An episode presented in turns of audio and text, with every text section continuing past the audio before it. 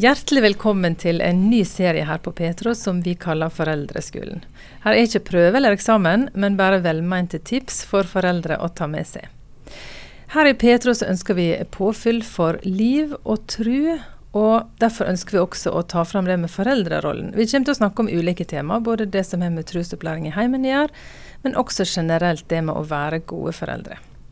Jeg heter Anne Birgitte Lillebø Bø, og så har jeg fått med meg Anne Lene Otterøen til å snakke om disse tinga her. Velkommen, Anne Lene. Tusen takk. Du, Kan du fortelle litt om deg sjøl sånn først? Ja. Navnet mitt har du sagt, Anne Lene. Jeg er gift med Roar. Snart sølvbryllup skal vi feire. Sammen har vi tre barn på 16, 19 og 22, så de, de vokser til og begynner å bli voksne. Eh, så det er vel det viktigste for meg. Eh, likevel så jobber jeg som familiepastor på Fredheim Arena i Sandnes. Og så jobber jeg som nasjonal leder i noe som heter Avana, som handler om trosopplæring. Så det er spennende å få lov å ha den kombinasjonen med mm. jobb. Mm. Ja. Du, hvorfor er det viktig å snakke om disse tingene med å være foreldre, tenker du? Ja, Først har jeg lyst til å si at det finnes veldig mye bra som vi kan lese på nett vi kan gå på seminar eh, for å finne ut mer om dette med barneoppdragelse. Men min erfaring er i alle fall at uansett hvor mye jeg hadde lest på forhånd når jeg ble mor, så var det akkurat som at det krasja litt, dette med teori og praksis. Eh, for det var ikke så lett som det det sto om i bøkene. Så jeg tenker at eh, det er viktig å ta med seg det som virker, det er viktig med kunnskap, og samtidig så tror jeg at den beste kompetansen som jeg har fått meg, det er kanskje det jeg ikke har fått til som mor. Um, så jeg håper litt at disse pratene kan, ja, kan gi oss noen tanker inn i dette rundt foreldrerollen, hvem ønsker vi å være.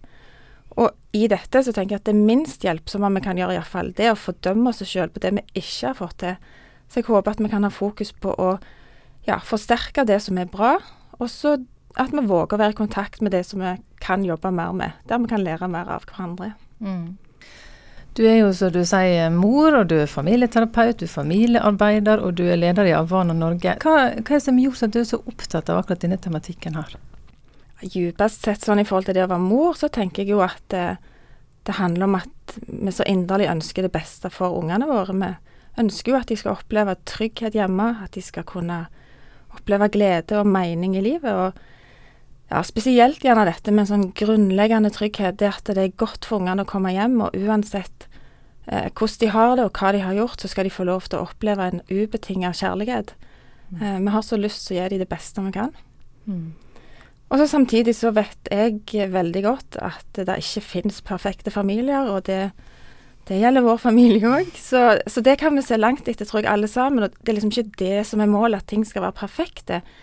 Men hvis vi kan klare å være ekte, at vi kan klare å være sanne med det som vi får til, men òg sanne med det som er utfordrende. Da tror jeg det er veldig mye lettere å finne berøringspunkt hos hverandre. Og ja, hvis vi er villige til å være ærlige da, i møte med meg sjøl, i møte med ektefelle og barn, så, så, tror jeg det blir litt mindre farlig det å være underveis. Mm. Jeg synes det er et veldig godt poeng det du sier der, Anne Lene. Det å være ekte og ikke perfekte. Mm. Altså Vi har lett for å sammenligne vår innside med andres utside, ble det sagt. Vi ser på Facebook, og der er det helt perfekt stemning. Du får ikke med den dårlige stemninga som var akkurat der rett før. Men eh, da tenker vi det at vi skal tåle å være underveis, og ikke alltid ha svar. Eller iallfall ikke fasitsvar. Um, og kunne være ærlig på at en av og til feiler og må be om tilgivelse. Mm. Mm. Hva har hjulpet dere mest som familie, Anne Lene? Ja, vi kom tidlig i kontakt med ungdom i oppdrag sitt familiearbeid. Så det vil jeg si mest har vært avgjørende for vår del. Eh, for der møtte vi et miljø der de virkelig var villige til å dele. Og det å få lov til å lytte til andre, det var kjempehjelpsomt for oss. Eh, de snakket sant om det som var utfordrende. Eh, de ga tips på det de fikk til. Og, og det, ja, pakken, da, det hjalp oss til en bevissthet rundt det å være foreldre. Og noe av det siste jeg hadde lyst til, det var iallfall å sitte som som gammel og tenke at ja, ja, det bare blei sånn, og ja, at livet bare seilte forbi. Så det å være subjekt i eget liv i forhold til det å leve familie, mm. det tror jeg er viktig. Så, så har det gitt oss muligheten til å gi dette videre òg, at vi kan snakke med andre om Det som er bra og det som er utfordrende. Jeg er ikke redd for å be om råd. Jeg er ikke redd for å dele at ting eh, er litt vanskelige når de er det. Det er så verdt det. Det å kunne få lov til å berøre hverandre og være et fellesskap. Det sies det at en sunn familie kjennetegnes bl.a. av at de tar aktive valg og har tydelige verdier. Og det mm. tror jeg er viktig. At vi ikke bare lar ting skje, liksom. Ja. Og da skal vi altså snakke litt mer om det med verdier i dag, da, og det å ta aktive valg. Eh, egne verdier for familien, det tenker jeg må være en kjempegod idé. Eh, kan du si litt hva du tenker med det med verdier?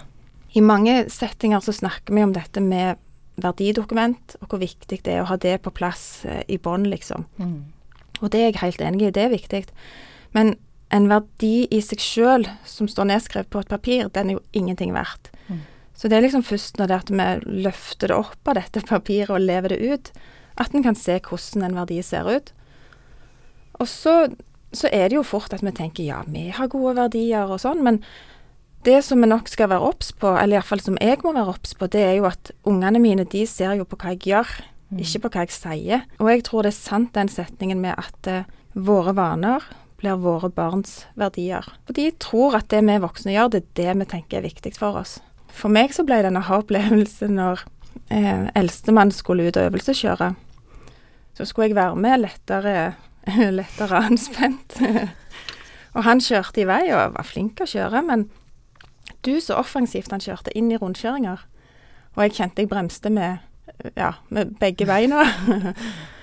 eh, og prøvde etterpå å si rolig at eh, Fredrik, du, du, kjører veldig bra, men jeg kjenner at når du kommer inn i rundkjøringene, så da blir jeg litt nervøs, og jeg ser at bilene rundt de de stopper fort, da. Og så ser han helt rolig på meg, og så sier han OK, det kan jeg godt gjøre, mor, men det gjør ikke du.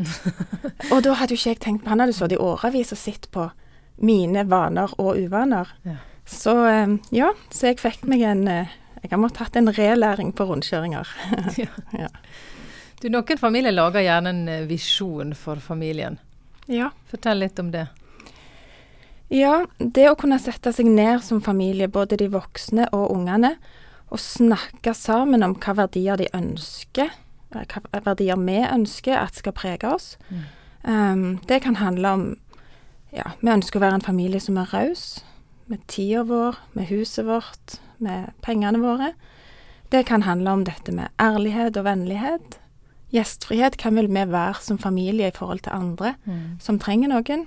Det vi ser, er at hvis ungene er med på å lage eh, denne visjonen og få lov til å velge ut noen av disse verdiene, så, så kan dette bli et sånn ja, det blir et eierforhold til dette dokumentet. Noen rammer det inn og henger det opp på veggen, gjerne. og um, Da kan vi gå til det dokumentet hvis vi er litt i tvil om hvordan vi skal velge.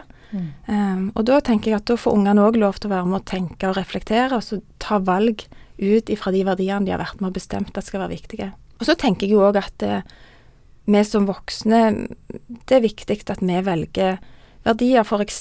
For i forhold til dette med relasjoner. Sånn at vi kan modellere for ungene hvordan knytter vi vennskap, eh, hvordan holder vi på vennskap. Eh, dette med trofasthet og tilgivelse, åpenhet og sårbarhet. Eh, vi ønsker at venner skal vite at vi stiller for dem når de trenger det. Men er det det ungene ser? Det håper jeg. Mm. Og så må vi vise at vi kan ta feil. Og noe av det jeg syns er vanskeligst mange ganger, det er jo dette med å eh, Når jeg gjør ting så jeg tenker søren òg, nå har jeg såra ungene, eller dette var ikke greit. Og det å måtte be dem om tilgivelse. Så er det ikke det å be dem om tilgivelse i seg sjøl som er vanskelig, det er jo det å ha såra dem. Men da mm. holde det høyt, at vi har den verdien at her ber vi hverandre om tilgivelse. Det ønsker vi å modellere. Ja, at det rett og slett viser verdiene våre i handling og det vi gjør, og ikke bare som et sånt papir på kjøleskapet som ser fint ut. Ja. ja tida vår kan vi òg knytte opp til dette med verdier. Det er noen som bruker uttrykket verdibasert tidsstyring. Eh, så jeg tror det er viktig at vi som voksne velger litt, enten vi sier at tida går eller hun kommer, så, så, må vi velge litt hvordan vi bruker tida vår. Mm. Eh, det kan være én type verdi. Et konkret lite tips på slutten Anne Lene, av denne første episoden. Det at en både som par og som familie kan sette seg ned og snakke litt rundt dette. Hva setter vi pris på å få tilbake fra de andre, og hva ønsker vi å gi ut ifra familien vår. Neste gang skal vi snakke om prioritering, Anne Lene, og det henger jo nært sammen med verdier, så det gleder jeg meg til å snakke mer med deg om da. I likeså.